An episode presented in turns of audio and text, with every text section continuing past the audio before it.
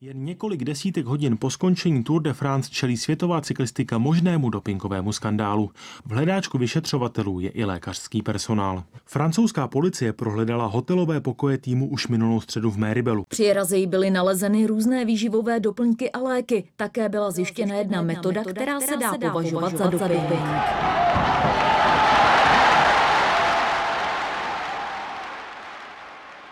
Pavel Riáček vás vítá u podcastu, který natáčíme v době olympiády. Ale jeho téma asi nebude pro sportovce příliš oblíbené. Doping ve sportu. Povídáme si s historikem Vítem Poláčkem. Dobrý den. Dobrý den.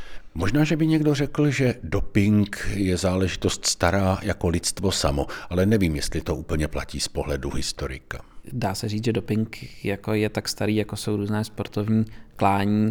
Samozřejmě známe ze starého Řecka, že ty závodníci se snažili naklonit si přízeň bohů a snažili se dělat všechno možné pro to, aby zvítězili je taky nutno říct, že doping není jenom záležitost sportu. Že to, že se lidstvo snaží ovlivnit nějakým způsobem svůj výkon, je i záležitost vojenství, je to záležitost práce v průmyslu, je to záležitost i třeba kultury. Pro vývoj dopingu, nejen jako ve sportu, měly význam války.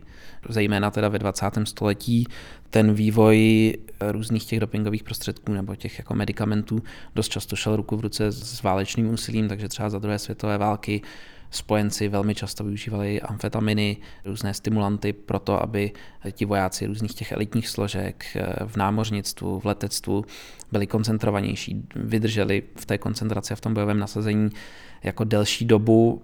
Vlastně podobným způsobem se mluví o tom, že třeba Wehrmacht využíval pervitin, takže tohle samozřejmě ovlivňovalo zase zpátky ten sport, protože ten sport je do jisté míry určitá substituce válečné úsilí, tam se střetávají různé národy, je tam přítomný nacionalismus a ve 20. století to samozřejmě platilo o to víc. Ovšem, když se řekne státem řízený doping, tak tím už se asi myslí konkrétní období a možná i e, určité zeměpisné území. To je samozřejmě záležitost, která se týkala zejména východního bloku, řekněme od konce 60. let do začátku 90. let. A to souvisí s tím, jak fungovalo to zřízení, protože ten totalitní režim je vlastně systém, který se snaží pokrýt celou společnost, veškeré jednotlivce, jejich volný čas, jejich směřování, jejich myšlení a dokonce i jejich fyzickou kondici.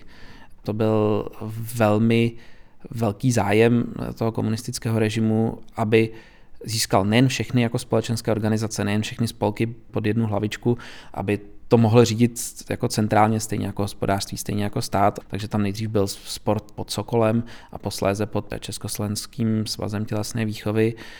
A samozřejmě ve chvíli, kdy začal ten doping, zejména teda od 60. let, kdy se objevila ve větším množství anabolika, nejprve spontánně mezi sportovci, tak ten totalitní režim měl zájem o to, aby to nejen centrálně jako mohl těm sportovcům distribuovat, ale zároveň, aby to nějakým způsobem hlavně mohl kontrolovat, protože pokud ti sportovci výjížděli a měli pozitivní dopingové kontroly, tak to byla ostuda pro ten režim a torpédovalo to jejich úsilí o to dosáhnout těch co nejlepších výsledků. Dá se nějak stručně charakterizovat, kterých států se to vlastně týkalo a v jaké míře? Je to problém východu anebo taky západu, po případě Ameriky? Samozřejmě se to týkalo Sovětského svazu, o kterém bohužel nemůžeme říct nic moc bližšího, protože ty jejich archivy nebyly otevřené. A vzhledem k tomu, co se děje s ruskými sportovci a s ruskými sportovními svazy, v podstatě dodnes. Já tam nevidím moc velkou naději, že se to někdy otevře. My víme podle toho, co říkali zejména Ukrajinci po roce 1990, že ten systém byl, že byl nějakým způsobem řízen, že byl centralizován, že ho tam řídili lokálně umístěné instituty pro fyziologickou kulturu. Dokonce jeden z těch ukrajinských ředitelů tohoto institutu mluvil o tom, že v roce 1976 na olympijských hrách v Montrealu měli Sověti loď v přístavu, na kterou chodili se kontrolovat, jestli nejsou pozitivní, na které prostě měli tenhle ten medicínský servis, který by nemohli mít uvnitř toho města. Pak samozřejmě víme, že se to týkalo do jisté míry Maďarska, že určitý systém fungoval v Bulharsku, v Rumunsku, samozřejmě v Československu, ale jakoby tím hlavním tažným koněm na celosvětové úrovni bylo východní Německo. Protože východní Němci dost dlouhou dobu nemohli reprezentovat svoji zemi vůbec Němci se poprvé mohli na olympijských hrách objevit v roce 1952 v Helsinkách. A tehdy ještě závodili v podstatě dohromady jak východní Němci, tak západní Němci. Tam byla ještě specifická reprezentace Sárska, která se těch olympijských her zúčastnila, ale východní Němci pracovali na tom, aby měli svůj olympijský výbor a aby mohli reprezentovat svoji vlastní zemi jako nezávislou. Což se jim podařilo v 60. letech. Oni také od roku 1964 začali uvažovat o použití anabolik. V roce 1968 byli velmi úspěšní na olympijských hrách eh, v Mexiku, ale ten jejich hlavní zájem směřoval na olympijské hry v Mnichově v roce 1972, protože tam mělo dojít eh, ke konfrontaci s jejich nepřátelským státem eh, jako Německou spolkovou republikou přímo na jím území. A to byla samozřejmě záležitost, kterou oni nechtěli prohrát a upřeli do toho veškeré, veškeré síly, udělali prostě velice podrobný eh, systém dopování sportovců, vybrali si odvětví, která jsou efektivní při použití anabolických steroidů a eh, pracovali na tom, aby v Mnichově uspěli. Což samozřejmě vyvolalo protireakci, protože západní Němci najednou začali prohrávat. Tam je dost často citovaný výrok západoněmeckého sprintera Manfreda Omra, který v roce 1971 se účastnil mistrovství Evropy v Helsinkách a přišel za svým lékařem a říkal, tak proč nemáme taky ty tabletky, co mají východní Němci, teď já už nemůžu tu jejich hymnu, tu zasranou písničku pořád poslouchat. A logicky se začaly potom tvořit v západním Německu centra okolo různých lékařů, kteří vlastně ve spolupráci s farmaceutickým průmyslem, s univerzitami začali, mimo ve Freiburgu nebo v Kolíně nad Rýnem, začali taky experimentovat s těmi anabolickými steroidy.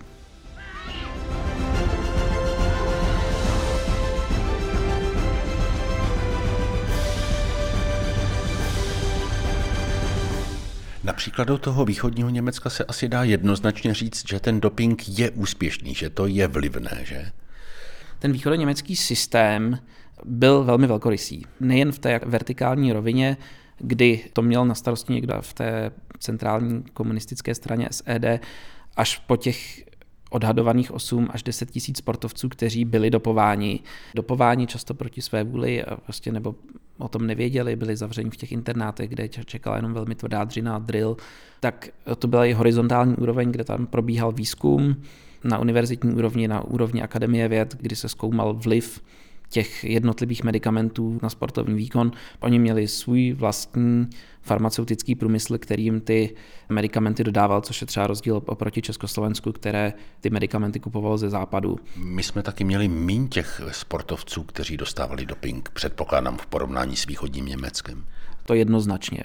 My neumíme říct přesně z těch pramenů, kolika sportovců se to týkalo někdy kolem toho roku 1985, kdy ten systém už byl dobře postavený a legalizovaný, ale víme, že třeba v roce 1982 se to dopování, nebo ta, jak tomu ten režim říká, jako mimořádná péče a podpůrné prostředky, tak to se týkalo vlastně 108 sportovců, z čehož 42 byli atleti a pak to bylo několik sportovců vždycky z těch preferovaných disciplín, takže tam třeba se to týkalo dvou judistů. Dá se vůbec eh, charakterizovat, které sporty měly tomu dopingu blíž. Předpokládám, že na šachy nejsou potřeba steroidy, ale u některých jiných sportů to asi bude výraznější. Zrovna, když jste zmínil šachy, tak oni jako uvažovali, jestli vlastně těm šachistům dávat nějaká psychofarmaka nebo něco, co by jim pomohlo k soustředění, ale vlastně tohle se ukázalo jako svým způsobem slepá, slepá větev výzkumu ale je jasné, že třeba v kolektivních sportech, kde to víc záleží na nějaké taktice, na technických dovednostech těch hráčů, přestože třeba fotbal nebo lední hokej byly mimořádně preferované sporty pro jejich popularitu, jako pro československý režim, tak eh, z hlediska podávání anabolik zdaleka tak preferované nebyly, jako třeba plavání, cyklistika, sportovní gymnastika, běh na lyžích, vzpírání, lehká atletika a několik dalších sportů, jako je judo a zápas. A to bylo docela podobné tomu, jaké ty sporty preferovaly v těch ostatních zemích, protože přirozeně, když potřebujete nějakým způsobem ovlivnit výkon, kde jde o sílu, nějakou výbušnost, tak vlastně ty anabolické steroidy vám k tomu můžou pomoct, protože jako z laického hlediska si většina lidí dneska představuje, že, že ten doping je vlastně nějaká kouzelná tabletka, která z někoho, kdo leží u gauče, udělá jako světového šampiona. Ono to funguje jinak, funguje to zejména teda ta anabolika fungují tím způsobem, že vám umožňují regenerovat a umožňují vám mít větší a tvrdší tréninkové dávky. Takže eh, ti sportovci, kteří berou anabolika, tak mohou častěji trénovat s menším odpočinkem a, a zintenzivně ty tréninkové dávky v porovnání se sportovci, kteří ta anabolika neberou. Takže ty lidé na UVČSTV, kteří plánovali tenhle ten systém, tak preferovali ta odvětví, která byla z tohohle hlediska efektivní.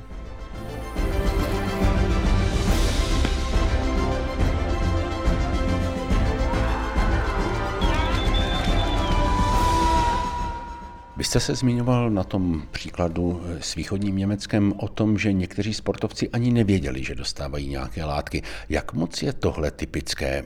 Věděli to sportovci, že něco berou, anebo nevěděli? Tak eh, každý, kdo byl zařazen do toho programu, tak musel podepsat smlouvu. Ta smlouva sám bohužel jako nezachovala v žádném exempláři, ale z těch nějakých fragmentů my víme, že, že byla poměrně vágní. To je logické, když máte utajený systém, tak eh, nebudete adeptovi o vstup do něj říkat na rovinu ty nejutajovanější skutečnosti, aby on mohl říct, to se mě netýká, Čili ty sportovci podepisovali něco, kde se mluvilo o mimořádné péči, o podporných prostředcích, o nejlepších jako možnostech a tak dále. A je dost možné, že to zjistili až potom, co to podepsali.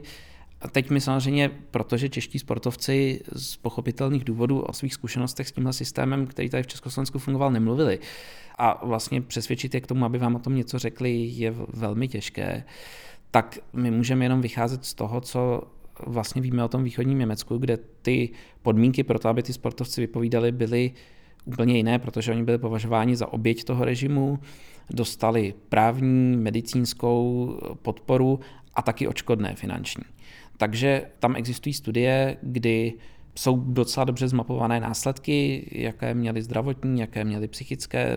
A v řadě výpovědí, které se v tom východním Německu vyskytují, tak se mluví o tom, že jim lékaři řekli, že to je v pořádku, nebo že dostávali jenom barevné tabletky a nevěděli, co, co to ve skutečnosti je. Často jim někdo říkal, že to jsou jenom vitamíny. A tady ještě zajímavé, že v tom českém prostředí o tom promluvili v podstatě jenom dva sportovci. Jedním z nich byl Ota Zaremba, spěrač, který z olympijský vítěz z roku 1980 z Moskvy a potom Remigius Machura, který byl pozitivně testován v roce 1985, což vyvolalo skandál českoslovenští sportovci předtím, než vyjížděli na zahraniční soutěže, tak museli mít eh, potvrzení tady z laboratoře, že jsou takzvaně čistí, to znamená, že nebudou mít pozitivní výsledek, ale stalo se to, že ten závod se konal v Moskvě a z Moskvy se ty vzorky poslaly do laboratoře do západního Německa. Ta laboratoř byla zjevně výkonnější než ta pražská, takže tam eh, ten doping byl odhalen. A Remigius Machura se dostal do velmi svízelné situace, protože samozřejmě ten systém od něj dal velmi rychle ruce pryč.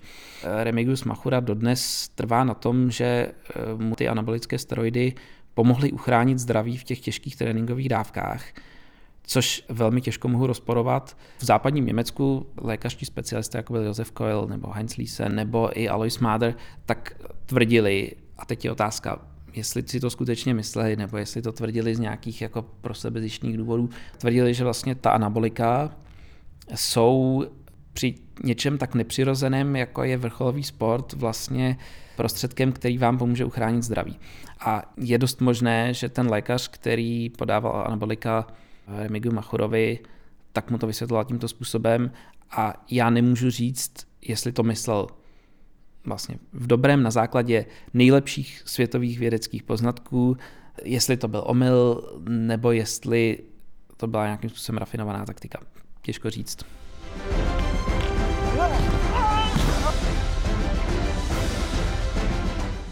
Vraťme se ještě k tomu státem organizovanému dopingu. Kdo to vlastně řídil? Když se u nás začalo uvažovat po neúspěchu na olympijských hrách v Mnichově o tom, že je potřeba mít systém jako další země. Ze začátku to vypadalo, že by si to mohla organizovat jako ČSTV sama. Ale problém byl v tom, že lékaři, kteří byli do toho procesu zapojení, se setkávali s kritikou z ministerstva zdravotnictví a že dokonce se mluvilo o tom, že by jim mohlo být odebráno oprávnění jako dělat lékařskou profesi, protože to je proti Hippokratově přísaze. Ještě v roce 82 se mluví o tom, že je tu skupina lékařů, kteří postupují takzvaně progresivně a že ty konzervativní lékaři, kteří obklopují třeba federálního ministra zdravotnictví Jaroslava Prokopce, tomuhle brání. A že je potřeba, aby se to nějakým způsobem legalizovalo, aby ty lékaři, kteří na pokyn UVČSTV chtějí ten doping nějakým způsobem sportovcům podávat, tak aby nebyli pořád v riziku, že budou trestně právně postižitelní. Z tohohle pravděpodobně vznikl velký tlak na to, aby se to vyjasnilo na úrovni ministerstva zdravotnictví. Plán byl takový, že ten doping bude řídit Ústav národního zdraví pro vrcholový sport, který měl vzniknout k 1. 1. roku 1984.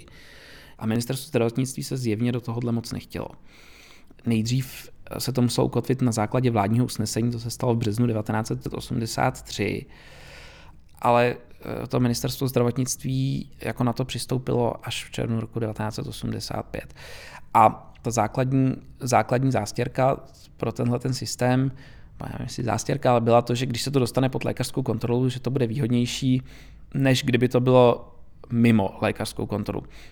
Protože předtím tady byla taková, tomu se říká jako někdy jako divoká, divoké období toho dopingu, kdy to často ty, ty preparáty podávali v lepším případě lékaři, kteří si na to troufli, v horším případě trenéři nebo ty sportovci si to dávali sami, s čímž je spojeno i několik jako úmrtí, která se tomu připisují. A ten Ústav národního zdraví pro vrcholový sport měl za úkol, zaprvé měl laboratoř protidopingovou, jejíž hlavním úkolem bylo, aby kontroloval vzorky sportovců před odjezdem do zahraničí, aby tam teda někdo neměl pozitivní nález. Zároveň tenhle ten Ústav národního zdraví pro vrcholový sport nakupoval ty prostředky, vlastně udělal nějaké plány pro ty sportovce a rozděloval je mezi lékaře těch jednotlivých odvětví, kteří si to potom nějakým způsobem řídili. A ten Ústav národního zdraví pro vrcholový sport byl zároveň garantem a zároveň jako řídící jednotkou toho státem řízeného dopingu. A co státní bezpečnost? Tato u nás kontrolovat nechtěla nebo nemohla? To je velká otázka, protože že by to jako vyloženě někdo ze státní bezpečnosti víc řídil nebo neřídil, to se jak nedá říct. Z některých těch pramenů se skoro až zdá, že vlastně ta státní bezpečnost se jako občas diví, že, že nějaký takovýhle systém tady existuje. A teď já samozřejmě nemůžu říct, jestli se tomu diví, protože ten konkrétní pracovník STB nebyl poučen o tom, že takový systém tady existuje a že to je dokonce systém, o kterém si cvrlikají vrabci na střeše, o kterém někteří ty sportovci a trenéři mluví v hospodě, kde vedle nich sedí sportovní novináři celkem otevřeně, protože oni vědí, že ty novináři to stejně nebudou moc napsat, nebo jestli ten jako příslušník STB to opravdu neví, protože to neví celá STB, ale to, o tom se dá pochybovat. A, a ta třetí věc je, jestli to není nějaká specifická forma ironie. No, těžko říct. Zatímco v tom východním Německu tam to bylo jinak. Štázi si tyhle věci hlídala. Eh, ve východním Německu se přímo štázy podílela na tvorbě toho systému a na, na jeho organizaci.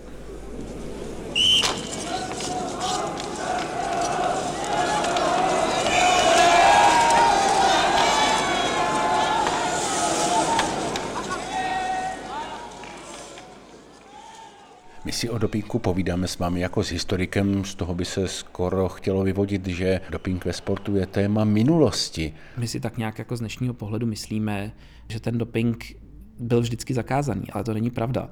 Vlastně ty amfetaminy jako první zakázala cyklistická federace ku podivu a FIFA v roce 1966. Mezinárodní olympijský výbor je zakázala v roce 1968. A třeba ta anabolika byla zakázaná až v 70. letech, eh, kdy ještě třeba v roce 72 na olympijských hrách se dělala mezi sportovci jenom anketa, kdo to používá, ta byla anonymní a 68% sportovců, kteří tam závodili, řeklo, že ano.